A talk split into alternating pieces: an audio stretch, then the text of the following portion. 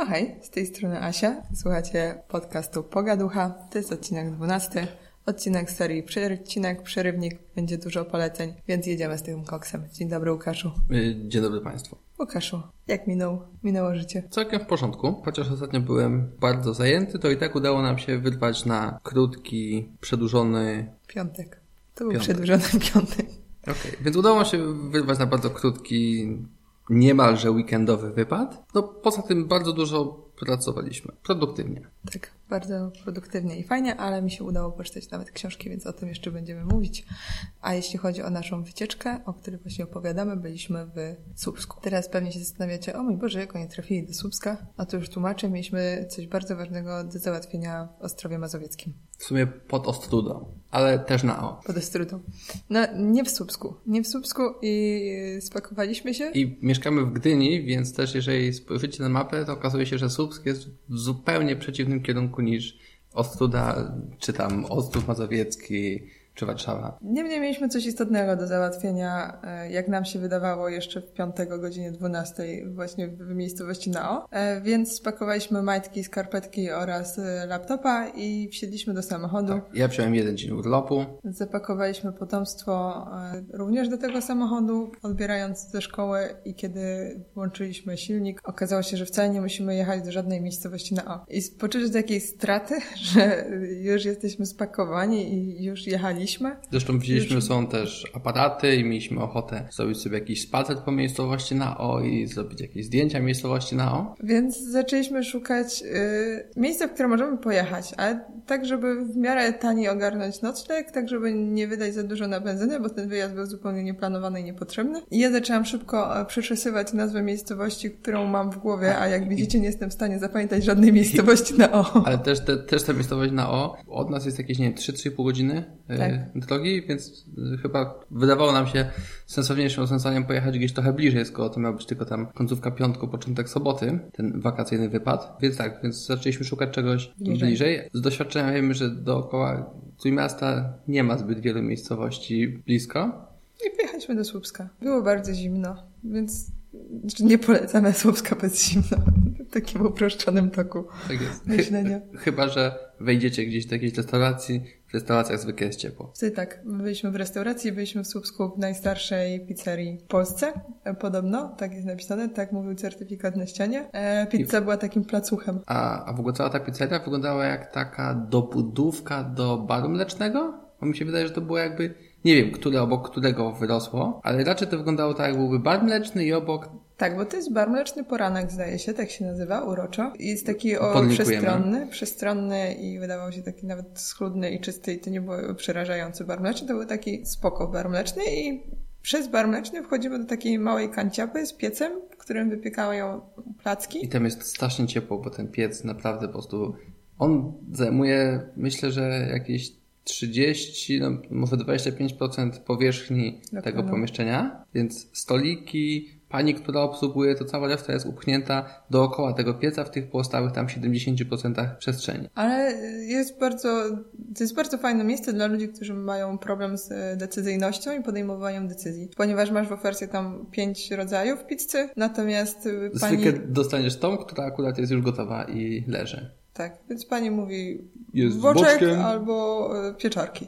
I wzięliśmy obydwie, bo była nas trójka, ja raczej nie jem mięsa, więc super. Tak, więc jakby okej, bo zawsze to jest takie irytujące, jak spędzamy pół godziny na dyskusję, kto czego nie je i jeśli mamy iść wspólnie, to Tak, a wybierać. tutaj boczek, pieczarki, ketchup z chochli i tak naprawdę byliśmy bardzo zadowoleni. Tak, najgorzej jak jesteś z dwójką dzieci. I te dzieci nigdy nie mogą od siebie zgapić i wtedy w karcie jest tylko, tylko są pierogi z jagodami, jako jedyne takie mocno cukrowe i ośmietanione jedzenie. I musi, pierwsza osoba, która powie, że je pierogi z jagodami, to wygrała, bo druga już nie może jeść pierogów z jagodami. I wtedy są aferę, płacz i... Tak, no jedzenie, jedzenie jest trudne e, czasami. Im więcej dzieci w samochodzie i im więcej dzieci w knajpie, tym więcej problemów. Tak, ale w słupskim poranku yy, Rozwiązali problem. to są ten problem po prostu. Bardzo się nam to podobało. I też później, jak chyba nie było żadnych gotowych placków, to pani z obsługi sobie gdzieś poszła bo tam chyba coś tam się piekło w tym piecu. Więc pani z obsługi sobie poszła, przyszła jakaś kolejna klientka, klientka grzecznie, karnie stała i czekała, bo prawdopodobnie znała tą procedurę. No i kiedy znowu pojawiła się pani z obsługi, zaproponowała tam jeden smak, który akurat wyszedł z pieca. Klientka z uśmiechem przyjęła tą ofertę, tą propozycję. E, wszyscy byli zadowoleni, obsłużeni relatywnie szybko i no, wydaje mi się, że udało im się bardzo zoptymalizować cały ten proces. Tak, byliśmy też w bibliotece, takiej e, ślicznej bibliotece w Starym Kościele, który tam kilka razy spłonął i to było fajne miejsce. Więcej nie udało nam się zobaczyć, ale pewnie trafimy do Słupska jeszcze kiedyś, kiedy będzie na tyle ciepło, że nie będziemy się bali wyjąć rąk z kieszeni. Nie, jeszcze oprócz tej biblioteki byliśmy obok Baszty Czarownic, która jest y, o tyle jakby dla nas była interesująca, bo to jest tak, że raz na jakiś czas ktoś sobie coś czyta, albo jakieś dziecko przyniesie jakiś news o tym, że na historii mówili, że kiedyś to palili ludzi na stosach. Jak się sprawdzi, że w tej Baszcie Czarownic to jeszcze w 1700 którymś roku... Tak przedwczoraj właściwie. Dwie godziny samochodem z Gdańska e, palili czarownicę, no to no jest to w jakiś sposób może interesujące. To, ale tak, tak, tak. Jest to, jest to coś, co, co gdzieś tam otwiera głowę. No więc tyle jeśli chodzi o Słupsk. E, będziemy update'ować, jak będziemy mieli więcej informacji na temat tego, co tam jeszcze ciekawego. Tak jak mówię, z przyjemnością wrócimy. I teraz, Łukaszu, możesz wybrać, czy polecamy podcast, czy książkę w pierwszej kolejności, bo ja jestem przygotowana w tych tematach. Też ja jeszcze bym się cofnął minimalnie do, do tego, co ostatnio robiłem. Przypomniało mi się, że to, co ostatnio robiłem, to znowu udało mi się y, wygospodarować odrobinę wolnego czasu, który poświęciłem na naukę programowania. Mhm. E, ja jestem dużym fanem takiego języka wynalezionego, wyprodukowanego w Holandii, Pythona. I w tym Pythonie sobie uczę się robić różnych rzeczy. I ostatnio udało mi się właśnie odkryć taką fajną bibliotekę, która troszeczkę mi pozwoliła zawęzić ilość umiejętności, które, których muszę się nauczyć, bo ona robi za mnie, za mnie dużo rzeczy gdzieś tam dookoła, ale to, to może nie o tym. E, o tym może kiedyś, jeżeli ktoś jest zainteresowany e, taką, takim self-study, nauką programowania, to ja, to ja chętnie gdzieś tam kiedyś to rozwinę do kilku minut, a więc dajcie nam znać w czego. Ale udało mi się wrócić do programowania po tym, jak usłyszałem w którymś z podcastów, których słucham, o Krystianie y, Kozerawskim, który to jest też amatorem programistą, który zaczął się sam uczyć y, jednego z tych języków, w których się w tej chwili dewelopuje na iOS-a, Swift. I on postanowił, oprócz tego, że sam siebie uczy programowania, zacząć uczyć programowania w podstawówce swojego syna. Po pierwsze, znowu sobie przypomniałem o tym, że się uczyłem tego programowania, że mam pewne umiejętności, które pozwalają gdzieś tam ułatwiać sobie swoją pracę i, i pracę innych ludzi w mojej firmie. Tam pan Christian mnie y, zainspirował i też będę próbował robić w najbliższym czasie może to, co on robi wszystkich też innych do tego namawiam. Czyli zostanę wolontariuszem i postaram się w jakiejś lokalnej podstawówce obok mnie zorganizować takie proste zajęcia z programowania, taki, taki wstęp do programowania dla dzieciaków, bo wydaje mi się, że to jest coś niesłychanie zaniedbywanego edukacji na świecie, a w Polsce to już na pewno. A są to umiejętności, które niekoniecznie wymagają jakiejś niesłychanej znajomości matematyki, czy jakiegoś y, takiego no nie mózgu inżyniera. Takie podstawy programowania są do ogarnięcia przez każdego, a wydaje mi się, że jeżeli znamy jakieś takie podstawy, wiemy jak jak oprogramowanie, jak, jak komputery działają, to po pierwsze jesteśmy w stanie szukać lepszych narzędzi do tego, żeby radzić sobie z różnymi problemami, które mamy, a też w ogóle do patrzenia na problemy w taki troszeczkę inny sposób, bardziej ustrukturyzowany, programistyczny, w dobrym tego słowa znaczeniu. Tak, to jest takie moje e, marzenie też, żeby szerzyć e, programizację, e, bo ja nie programuję. Computational thinking to chyba jest to hasło, które... Być może. Prawdopodobnie tak. Y, ja nie programuję, ale rozumiem o co w tym chodzi i to jest o tyle przyjemne, że nie zdaję sobie sprawę, że to nie jest jakiś czary mary, które oni tam robią, tylko po prostu mamy pewne biblioteki, mamy pewne narzędzia, musimy się nauczyć po prostu korzystać z tych narzędzi, musimy się nauczyć myśleć w określony sposób i to zaczyna działać y, coś tam umiem zrobić, bo czasami muszę. Jak muszę, to, to zrobię. I nawet nie wiem, y, że programuję po pewnym czasie, tak, się bo... zorientuję, że po prostu kurde, a tu kazali mi pisać jakiś kod i ja go napisałam, bo nie zorientowałam się, że na tym polega ta cała zabawa, tak? Bo ty chyba głównie jak y, gdzieś tam jakieś swoje strony internetowe musisz administrować, to głównie bawisz się tam WordPressem I Tak. pewnie, no, czy chcesz, czy nie chcesz, to gdzieś tam czasami trochę tego kodu zobaczysz. Nie ma co się tego bać, nie ma co od tego uciekać, tylko trzeba na to spojrzeć i wtedy okazuje się, że to wcale nie jest aż takie skomplikowane. Nie, nie jest. Więc y, warto gdzieś tam e, sobie zajrzeć, poszukać i osłuchać się chociażby z tym językiem, bo teraz jak jestem w jakimś środowisku nerdów, a jestem dosyć często, to nie robię wielkich oczu i po prostu, o mój Boże, e, o czym wy mówicie, tylko wiem, o czym oni mówią. O tym, co mnie nudzi. Nie dałabym rady po prostu siedzieć i tam tłubać. No jakby nie jestem do tego stworzona, ale zrozumieć każdy może. Więc inicjatywa, aby poszukać e, właśnie kogoś, kto takich lekcji potrzebuje, super. Ja ją e, bardzo wspieram i się cieszę, że taki pomysł powstał. Co jeszcze? Czy coś jeszcze o programowaniu? No to jak już jesteśmy przy tych komputerach i nerdach, to może poopowiadajmy sobie o grach wideo. Od razu o grach. Dobra. Jedziemy z grami, bo ja się boję. To właśnie, ja nie wiem, czy zaczniemy od twojej traumy i to może nie być taka trauma, jak wam się wydaje, związana z grami. Mm, czy chyba, oj, chyba musimy zacząć od dwóch traum. Ja myślę, że tak będzie najlepiej, a potem przejdziemy do tego e, takiego bardziej... Mm, Zaczęły mi się pocić dłonie. Dobrze, którą traumę chcesz wyciągnąć najpierw? Bo ogólnie będziemy mówili w tej chwili najpierw e, o dwóch grach. Nawet ich tytuły wydają się być takie zupełnie niewinne. E, pierwsza z nich to jest Brothers, A Tale of Two Sons. I to jest gra dostępna na Xboxy, na pewno na PlayStation. Nie wiem, których generacji. Na pewno na tych najnowszych są, nie wiem, czy na, czy na starszych też. To będzie w opisie odcinka.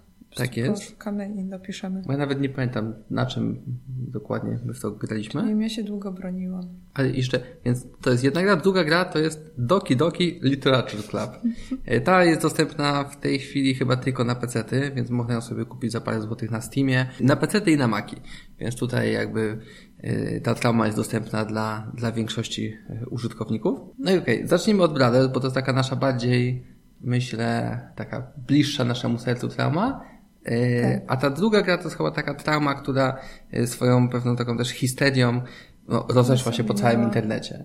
Ale dobra, więc Brothers. To było tak. Ja jestem uzależniona od wszystkiego, od czego da się uzależnić, poza narkotykami, ponieważ już się nauczyłam uzależniając od książek, od papierosów, od gier, od spacerów i od oddychania, że ja nie powinnam eksperymentować, jeśli nie jestem gotowa na to, żeby się uzależnić. Więc jak zaczynam grać, to zaczynam grać na przykład Wiedźmina i nie mogę wstać, dopóki nie skończę Wiedźmina, więc jestem wyłączona z życia na 70 godzin. Mój mąż zupełnie nie szanuje tego, jak ja się bronię przed y, graniem. I na przykład rozsypuję taką ścieżkę z chipsów do kanapy. Mówi, chodź, obejrzymy tylko jakiś krótki serial. Akurat, no, obejrzymy to przez konsolę, potrzymaj chwilę pada i tam wejdź na Netflixa, a skoro trzymasz pada, to może zobacz, mam tutaj taką e, gierkę. I ja potem trzaskam Lego City po prostu 150 godzin. A ja mam taką pracę, że ja mogę jakby e, nie pracować przez dwa dni i świat się nie zawali, ale e, projektowałam sobie tą pracę pod kątem tego, że jeśli dziecko mi się rozchoruje, to ja mogę nie być w pracy przez dwa dni, a nie przez to, że znaczy w celu takim, żeby jechać Lego po prostu ludzikiem zbierać małe żetony. No ale to, to się wydarza. Więc y, kiedy Łukasz przyszedł i powiedział mam tutaj taką grę Brothers, weź sobie pograj. To jest taka trudna gra, dosyć na początku, ponieważ gra się no, jednym padem, ale jakby obsługuje się dwie postaci. Mój argument był taki, że to taka prosta gra, ale, ale tak. dla mnie to było trudne. Ja bym się na to nie dała nabrać, gdy to było proste, ale myślałam, kurde, nie umiem w to grać. Ciężko mi jest synchronizować prawą rękę, lewą rękę, żeby dwa ludziki, dwie postaci szły w tę samą stronę, więc ambicjonalnie do tego podeszłam i zaczęłam grać. Szło mi coraz lepiej. Ale my w ogóle też chyba zaczęliśmy od wersji demo, która jest... Yy... Tak. I, i, I ta Masia zobaczyła, że tam się... Ja mówię, o zobacz, tu się przed psem ucieka, jeden gwizdże na tego psa, ten pies się do niego biegnie, a on jest gdzieś tam wyżej, więc pies nie może go dopaść i w tej drugim możemy przebiec się gdzieś tam niżej, wdrapać się gdzieś, znowu ten drugi gwizdże, pierwszy może przebiec, no takie proste, logiczne, no logiczne, no, nawet nie logiczne, no, po prostu Tak, i tam są też jakieś takie łamigłówki, że na przykład jesteśmy w górach i jest jakiś wielki troll, ten troll nas nie chce wypuścić i my musimy tam, jeden właśnie musi gwizdać, drugi tupać, jeden się wspinać w tym czasie y, i tam otwierać klatkę, zabrać klucz, znaleźć ten klucz, żeby się uwolnić, więc to taka gra jak gra. Ja powiedziałam, że nie będę w to Brothers grać, bo znowu wsiąknę i, i zakwitnę na kanapie, ale ty porzuciłeś mnie i wyjechałeś na dwa dni i ja zostałam sama w domu. A już była pełna wersja gry zainstalowana na konsoli. I zaczęłam grać. I im bardziej grałam, tym bardziej pękało mi serce. Ja nie wiem, jak bez spoilerów mogę wam opisać, jak bardzo może człowiekowi pękać serce. I jak bardzo po prostu miałam fizyczne objawy y, cierpienia i depresji. Ale naprawdę nie żartujemy ta gra Asię bardzo poruszyła, a ja troszeczkę ze strachu o swoje słabe serce stwierdziłem, że nie będę jej całej przechodził. Tak, bo ja byłam pewna, że Łukasz w to grał i że skończył w to grać i że wtedy na własną odpowiedzialność powiedział mi, a weź sobie pograj się. Okazało, że to nie grał. A jakby na końcu zaczyna się robić naprawdę hardkorowo. Ja byłam sama w domu przez weekend. E, tak jak skończyłam grać, tak poległam na tej kanapie cała we łzach i chyba do poniedziałku nie wstałam. E, przesadzam, ale nie była, nie wymyśliłabym tego, że można tak bardzo człowieka rozruszać emocjonalnie. A gra nie grą. jest ani niesamowita graficznie, Mm-mm. ani jakaś, nie wiem, realistyczna, a naprawdę potrafi, potrafi dotknąć do żywego. No i ja się teraz bardzo cieszę, bo nowa gra wychodzi, tych samych twórców, A Way Out. Premiera była kilka dni przed tym, jak, jak nagrywamy ten podcast. Gra jest niedroga, na Xboxa y, One kosztuje 99 zł. I to jest gra, która jest bardzo fajna, bo można w nią grać, chyba w ogóle trzeba w nią grać w dwie osoby. I to jest taki koop, gra kooperacyjna, gdzie możemy albo siedzieć we dwójkę przed jednym telewizorem, trzymając dwa pady i w ten sposób z nią grać, albo możemy grać z kimś y, przez sieć. I też tu jest taka ciekawostka, to jest chyba pierwsza gra, o której słyszałem, która działa w ten sposób na konsolach. Na Xboxie przynajmniej, jeżeli ja mam tą grę, to mogę zaprosić jakiegoś mojego znajomego, który ma Xboxa, żeby ze mną zagrał i on nie musi jej kupować. Więc tak naprawdę to jest, to jest bardzo fajne, że, że można sobie, licząc w ten sposób, tak tak kosztuje 50 zł. Około 7 do 8 godzin rozgrywki. Y, podobno jest bardzo dobra. Y, jedno, co mogę powiedzieć, y, tak żeby za dużo nie spoilerować, zaczyna się od wspólnej ucieczki z więzienia. Umieścimy trailer w opisie, więc będziecie sobie mogli zobaczyć. No, ja czekam z niecierpliwością żeby, żeby ją kupić. Asia na razie drży, więc jeszcze, jeszcze ja, ja czekamy. Ja się boję, bo zbliżają się święta. W momencie, kiedy my to nagrywamy, jesteśmy tydzień przed świętami. Ja się boję, że my e, się za to zabierzemy w trakcie Wielkanocy i że to będzie najbardziej łzawa Wielkanoc to jest bardzo w naszym życiu. Ale mam do tego podejście takie jak do Black Mirror, ponieważ nowy sezon Black Mirror zobaczyliśmy dwa odcinki i stwierdziliśmy, że nie ma sensu się z tym spieszyć. Kolejny sezon pewnie gdzieś będzie za rok, więc rozłóżmy to sobie w czasie, bo to nie jest tak, że się boimy albo że nie mamy do tego nerwów. To jest po prostu tak, że y, rozsądnym będzie y, to sobie tak rozwlec. Więc mamy nieruszone y, kilka tak, kilka tak. odcinków. Ja z tą grą pewnie też ją sobie odłożę, bo jeszcze dużo czasu upłynie, zanim będzie kolejna taka gra, więc bez sensu ją od razu konsumować. Tak, a też niestety tych gier takich kooperacyjnych, w które możemy sobie zagrać wspólnie na kanapie, y, nie ma aż tak dużo, a przynajmniej nie było aż tak dużo. Y, my mamy świetne wspomnienia z wspólnej, ze wspólnej gry w Diablo. I, tak. I to polecam wszystkim, też takim gamerom niedzielnym, y, jakim była kiedyś Asia, kiedy... To była pierwsza gra, w którą ja grałam. Ja nie grałam na, na konsoli, a na kompie to w ogóle nie grałam dalej. To jest jakiś mm, dziwny wynalazek grania na kompie.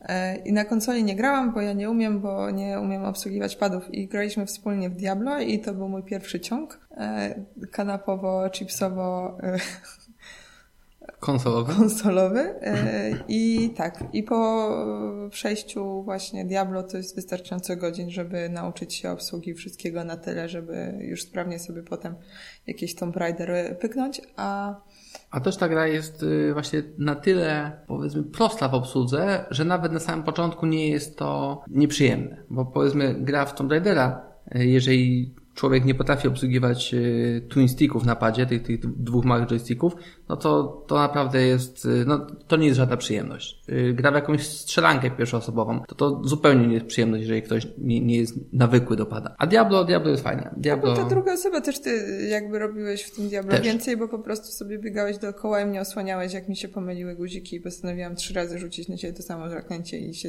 gdzieś tam zgubić albo zapomniałam wypić eliksir. Tak, a ja byłem... Osłałam. Byłeś dzielny twardym barbarzyńcą. Ja, ja się chyba wtedy zakochałam. Chyba tak. Chyba tak, chyba, chyba tak. to był ten moment. I wrzucimy też w opisie, ale z takich gier kooperacyjnych, no to, to my polecamy konsolę Nintendo Switch i oni naprawdę dużo takich gier wrzucają i tu, tu mamy y, czy to Lego City, który jest o tyle niesamowite, że naprawdę można nawet dwie osoby biegać po wielkim mieście i gdzieś tam razem się bawić, to można też z dzieckiem pograć.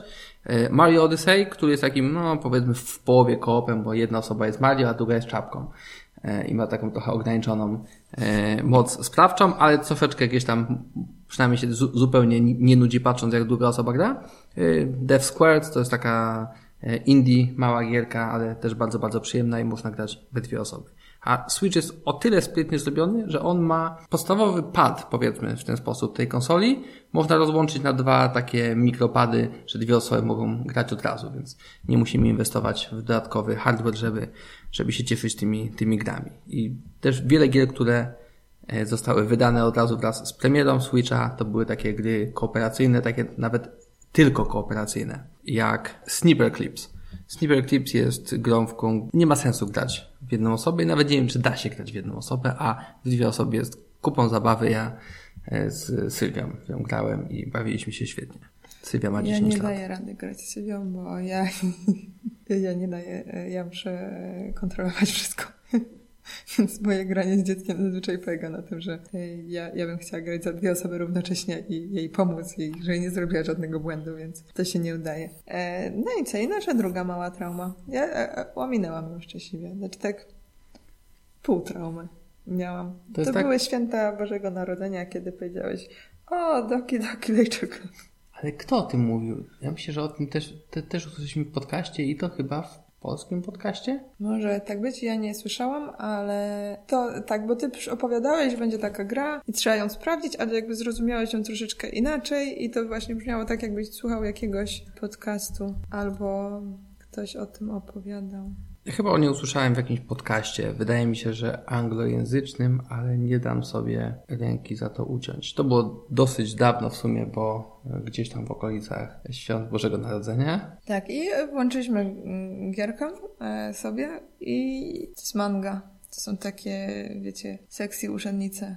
I gra od samego początku ostrzega, że nie jest grą dla ludzi, e, dla dzieci, nie jest grą dla ludzi o słabych nerwach i takich, którzy musieli y, zmagać się z depresją. No i nie jest. Ja trochę potraktowałabym to poważnie, bo jeśli jesteśmy w słabej kondycji y, psychicznej, to może nie ma sensu sobie tego robić i jeśli jesteśmy łatwo wkręcalni w jakieś takie klimaty. Ja zostałam uprzedzona i potra poważnie potraktowałam e, to, że ta gra jest naprawdę dziwna i bardzo się starałam, żeby nie wkręcić się, ale to też znowu nie jest do końca sens, e, nie, to też nie ma do końca sensu, bo to tak jakbyśmy patrzyli na karciane sztuczki i cały czas próbowali je rozgryźć albo na jakieś sztuczki magika i kombinowali, co tam się, jak on to robi, tak? No to pozbawiamy się tej radości po prostu patrzenia na, na magię, więc tutaj fajnie by było się temu oddać, Ale tylko chyba... że potem możemy się coś źle skończyć. I chyba jednak tutaj wolałbym sobie tej magii mm, oszczędzić. Magii Doki Doki Literature Club. Eee, aha, ta gra w ogóle chyba jest darmowa na Steamie, a jeżeli nie jest darmowa, to kosztuje, nie wiem, 2 złote. Tak, bo to jest gra, która, tak jak się potem okazało, przygotowuje nas do tego, żebyśmy zakupili inną grę i ponieważ... Która jeszcze nie powstała i która oficjalnie jeszcze nie powstaje. Dokładnie. Ale jakby postać e, jedna z tych występujących w grze, ona potem jest istotną postacią w kolejnej już dużej gierce, którą prawdopodobnie. prawdopodobnie. Ale ciężko powiedzieć, ponieważ w tej grze jest tyle rzeczy poukrywanych. Tak, ale to może jeszcze najpierw dwa słowa. Ta gra wygląda w ten sposób, ta gra wygląda w następujący sposób. Jesteśmy młodym chłopcem, który chyba przyszedł do nowej szkoły, tam są jakieś właśnie seksowne uczennice, zapisujemy się do klubu e, czytania literatury, tam, czy nie, klubu pisania wierszy, piszemy sobie te wiersze i to ma być taki podobno klasyczny, japoński, chociaż gra nie jest japońska, symulator randkowania, symulator, nie wiem, podrywania dziewczyn w szkole, no coś takiego u ja nas. Przypuszczam, że Japończycy mają takie gry, że wstydzą się zagadać do dziewczyn i siedzą i z nimi flirtują. E, I, i tu chodzi o to, że są trzy dziewczyny, te dziewczyny są dziwne, trzy czy w sumie cztery nawet, powiedzmy. One są... Yy one są, każda y, dosyć unikatowa i pisząc nasze wiersze, to jest taki, każda z nich y, podczas tych spotkań czyta swoje wiersze I my też mamy pisać swoje wiersze. I teraz jedna z nich pisze mroczne wiersze, druga pisze śmieszne wiersze, trzecia pisze wiersze, w których, nie wiem, jest dużo gry słów. I my, w momencie, kiedy mamy napisać swój wiersz, to właśnie wybieramy, czy mają być w nim gry słów, czy ma być mroczny, czy ma być taki, czy ma być inny. I w ten sposób próbujemy dopasować je do którejś z nich, albo może próbujemy dopasować je do wszystkich po trochu i patrzymy na to, w jaki sposób one nas reagują. Gra wydaje się stosunkowo złożona pod tym względem e, i myślę, że nawet ktoś jest w stanie się w to jakoś tam wciągnąć. Z tym, że potem ta gra zupełnie, zupełnie zaczyna jakby się gubić. Zaczynają dziać się makabryczne rzeczy.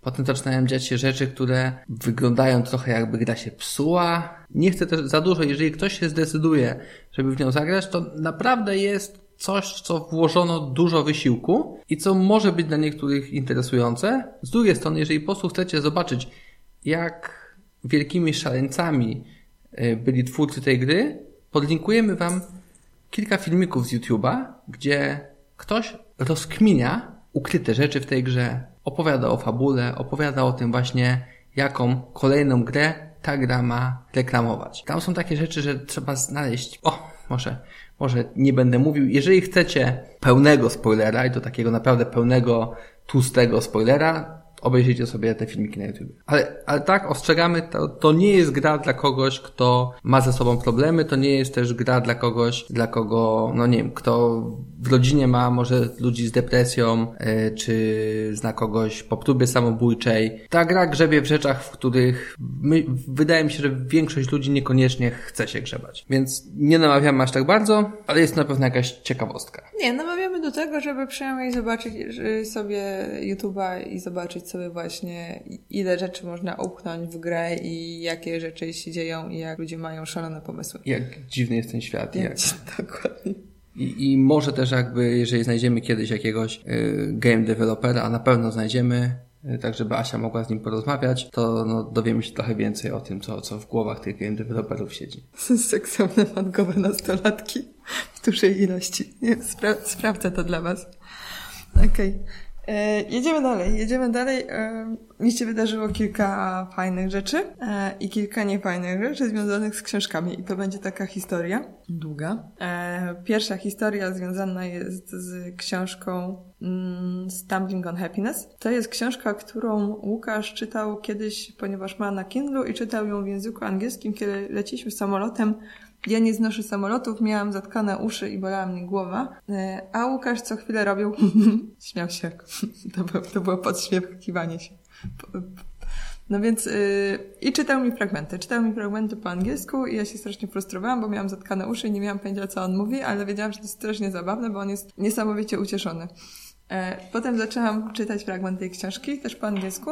Niestety ja mam taki problem przy czytaniu po angielsku e, bardzo mnie męczy i zajmuje mi dużo więcej czasu. A nie mam dużo czasu, więc jeśli to nie jest jakaś taka literatura potrzebna mi do czegoś, taką super wiedzą po prostu miechem, żebym ja musiała to czytać po angielsku, bo po prostu to jeszcze nie jest nigdzie przetłumaczone na polski, to ja tego nie robię, bo po prostu yy, nie mam czasu. Zaczęłam szukać tej książki e, po polsku i wydawało mi się, że jej nie ma. Minęło trochę czasu i ja sobie o niej przypomniałam. Przypomniałam sobie, przeczesałam internet, okazało się, że ona po polsku nazywa się Na tropie szczęścia, więc prawdopodobnie dlatego ja w ogóle nie zwróciłam na niej ją mm, uwagę, ponieważ ten tytuł przetłumaczony na polski, ja mam duży problem z polskimi tytułami. One zawsze brzmią albo infantylnie, albo tak na maksa e, coachingowo. Ale znowu stumbling on happiness też jakby, może ta ta nie wiem, angielskość jakoś tak tutaj tak, jest dla nas taka romantyczna, ale nie wiem, ale w sumie na tropie szczęścia jest chyba zupełnie innym znaczeniem niż stumbling on. Stumbling on happiness to bardziej znaczy, że, to, że ktoś wszedł na to szczęście, gdzieś tam na korytarzu na nie wpadł, padając na szczęście? Nie wiem, czy ja dobrze to rozumiem, ale chyba tak. Bo... To googluj stumblingowanie, a ja e, w tym czasie wam powiem, że na tropie szczęścia e, teraz robię wam straszne świństwo, bo reklamuję wam książkę, której nigdy nie dostaniecie. Przeszukałam tak, cały internet. To jest potknięcie, czyli potykając się o szczęście, stumbling on happiness, jakby to, tak, a to, jest to na pewno nie jest coś, za czym, no właśnie chyba nie. Znaczy nie, no na tropie, no to na tropie ja interpretuję jako takie właśnie, że ja teraz idę i sobie poszukuję szczęścia, a to nie jest taka książka właśnie o poszukiwaniu szczęścia, szczęścia, tylko to jest... O, ale to też jest błądzić, czyli błądząc, szukając... No może, może, może. Może. Może. Ale ciągle jakoś nie wiem, ja nie. Zaczęłam od tego, że nie znam angielskiego na tyle dobrze, żeby się z nim swobodnie, więc jakby te interpretacje, ale. No, Zająknąć się na przykład. O szczęściu. Jąkając się o szczęściu. Jąkając się o szczęściu. No, I to byłby jakiś tytuł. Ja bym kupiła jakby bardziej niż na tropie szczęścia. No więc Daniel Gilbert napisał sobie tę książkę, ona została wytłumaczona. Ja przepraszam, ja znalazłem jeszcze jedno tłumaczenie w Google Translatorze. Wydukać. Więc dukając szczęście. Cały czas lepiej. No mniejsze. Przeszukałam o Elixie, przeszukałam Allegro, y, książki nie ma. Myślę sobie wejdę na nie, stronę. Znalazłaś. Znalazłam. Za 99 zł jakiś człowiek E, sprzedaje tęże książkę. No i stwierdziłam, że 99 zł to ja mu nie dam, ale właściwie nie wiem, dlaczego miałby ją sprzedawać taniej, skoro jej zupełnie nigdzie e, nie, nie jesteśmy w stanie dostać. No ale nauczona doświadczeniem, moim ostatnim, że zawsze trzeba pytać i prosić, zanim człowiek się podda, stwierdziłam, że wejdę sobie na stronę wydawnictwa Media Rodzina i zapytam się, czy nie mają bałaganu takiego w magazynie, że jedna książka gdzieś leży w kącie i się kurzy. No więc napisałam maila do wydawnictwa, że dzień dobry, sytuacja jest taka, potrzebuję tej książki, szukam jej wszędzie, nie mogę jej znaleźć. Czy nie zawieruszył Wam się gdzieś jeden egzemplarz? No i chyba po godzinie czy dwóch e, ja dostałam odpowiedź od pani, że niestety książka nie jest już w sprzedaży, co wiem, bo sprawdziłam wszędzie. Natomiast ona faktycznie taki jeden egzemplarz ma i jak chce, to ona mi go wyśle. I to było takie słodkie i takie miłe. Znaczy nie namawiam teraz do wyłudzania książek, ale pani po prostu powiedziała, że mam zapłacić za wysyłkę, to ona mi ten jeden egzemplarz e, ofiaruje. I tak też zrobiłam i dostałam moją książkę i pomyślałam sobie, że świat jest jednak dobrym miejscem, wbrew temu, co czasem mi się wydaje, a przynajmniej wydawało mi się mojej ostatniej e, korespondencji z innym dostawcą książek. E, I w ten sposób właśnie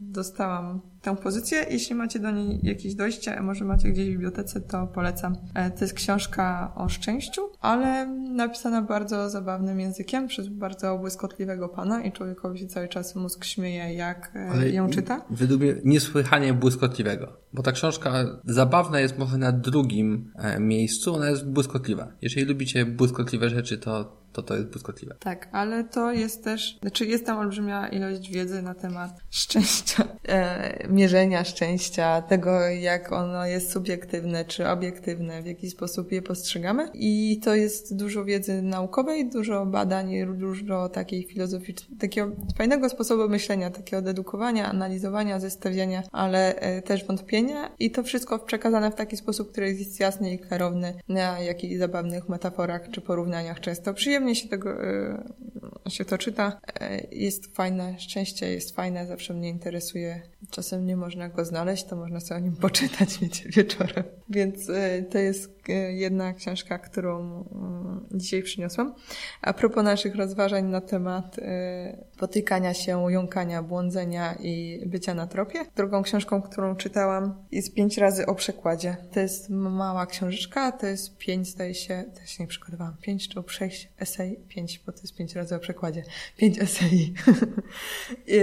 I to są różne rozważania właśnie na temat e, tłumaczenia i bycia tłumaczem. I ja jestem dużą fanką e, innej książki, e, też na temat właśnie bycia tłumaczem i podejścia do przekładu. To jest książka Przejęzyczenie, bardzo fajna, też zbiór znowuż rozmów z tłumaczami. I to pomaga nam zrozumieć, dlaczego książki tłumaczy się tak, a nie inaczej. Czasem tak patrzymy na to powierzchownie, albo że coś nie jest przetłumaczone dosłownie, książki nie muszą być tłumaczone dosłownie, albo na pytania mogą zupełnie inaczej brzmieć. No bo języka chyba nie da się tłumaczyć dosłownie. Tak, ale jest I jakby... to można zrozumieć po, po lekturze. No to po pierwsze. Po drugie, jakby każdy autor jest inny. On jest albo w jakiś sposób, nie wiem, pisze w taki szorstki sposób, kanciasty. Jakby albo inną ma melodię języka. Ktoś może e, próbować odtworzyć tą melodię, ale jakby w inny sposób, w innym języku. E, I jest dużo różnych możliwości. Dla mnie to jest takim porównaniem, które znalazłam, to jest fotografii przy fotografii produktowej. E, to jest takie trudne rzemiosło i dużo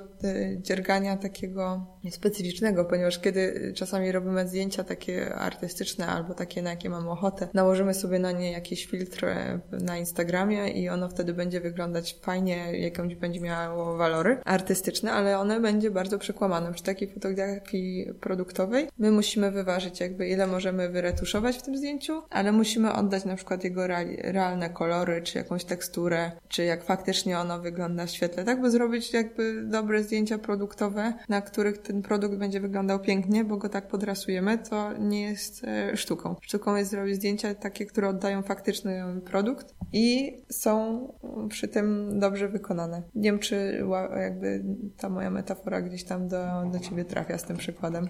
Nie. Że nie możemy za daleko odejść od Y, oryginału, ale pewne cechy musimy wyciągnąć, czy niektóre możemy uznać za warte gdzieś tam y, przemilczenia. Jakby dużo tutaj jest decyzji. Świat idzie w tą stronę, że nie ma za dużo czasu na tłumaczenia i rozważania na temat y, właśnie przekładu, tak. a warto by było, bo to jest fajne.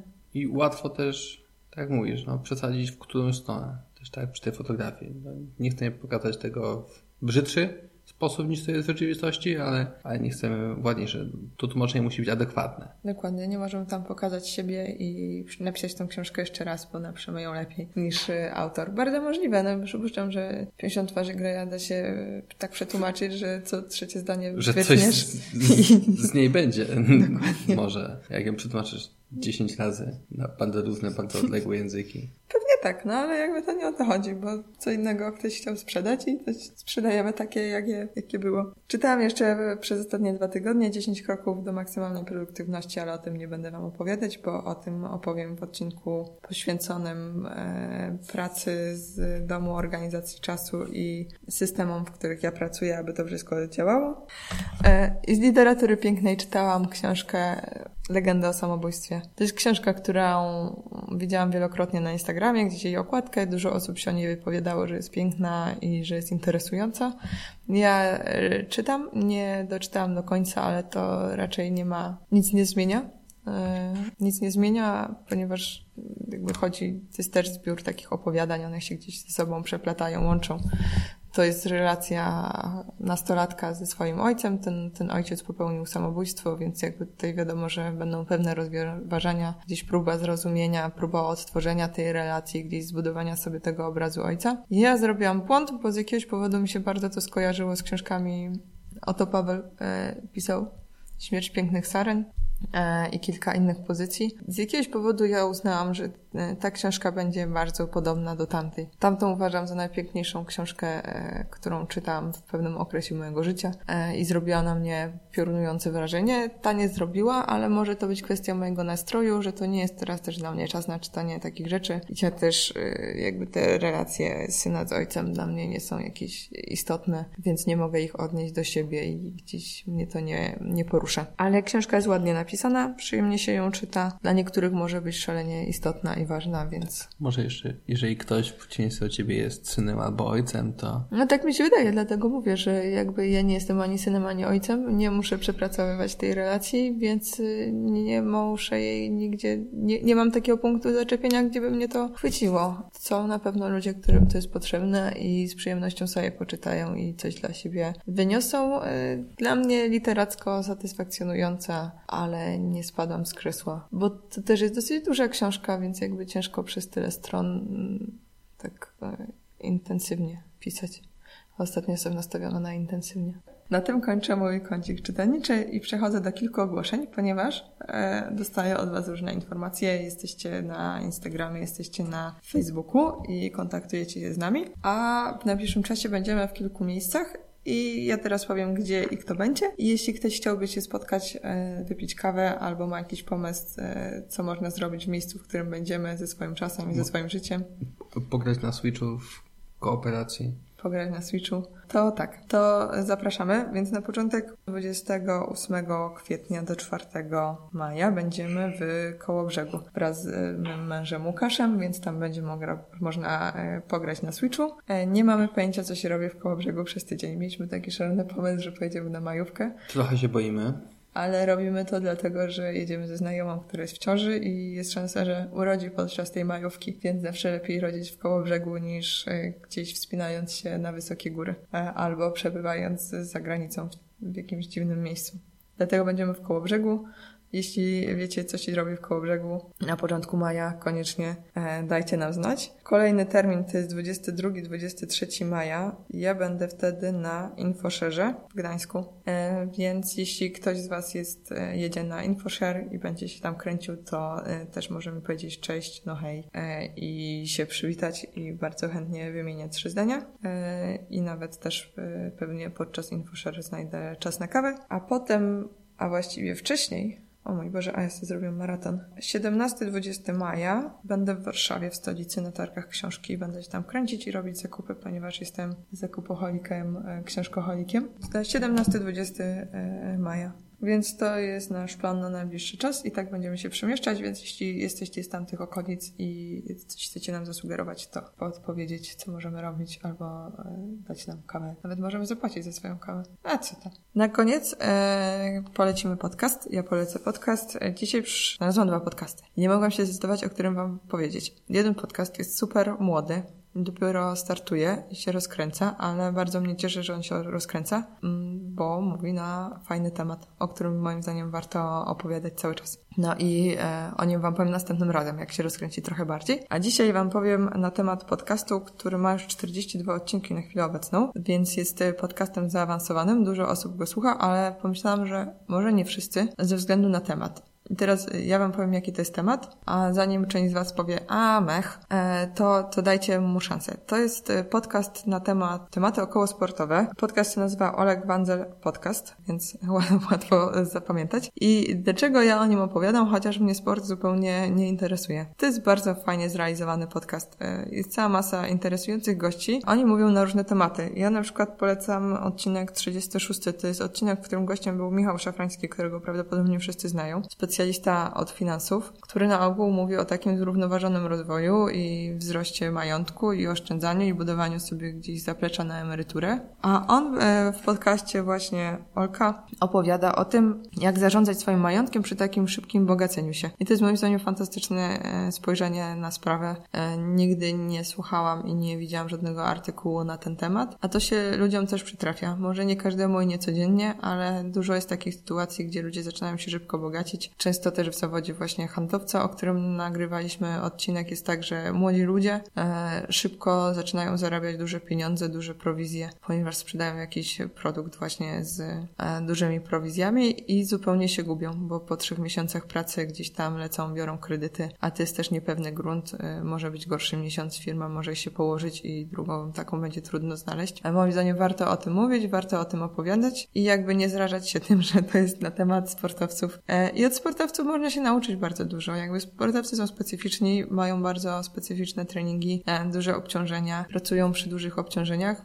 Wiele innych prac, zawodów, sytuacji życiowych wymaga pracy przy dużych obciążeniach. Może warto od sportowców sobie po prostu zgapić, w jaki sposób oni gdzieś tam się restartują, koncentrują, e, jak się przygotowują do istotnych wydarzeń. Więc e, polecam serdecznie. Sprawdźcie, zobaczcie, dajcie znać, czy Wam się podobało. I to już na tyle w dzisiejszym odcinku. Zapraszamy za tydzień. Za tydzień będzie kolejny odcinek z gościem. No więc, pa. Dziękujemy. Do usłyszenia. Do usłyszenia.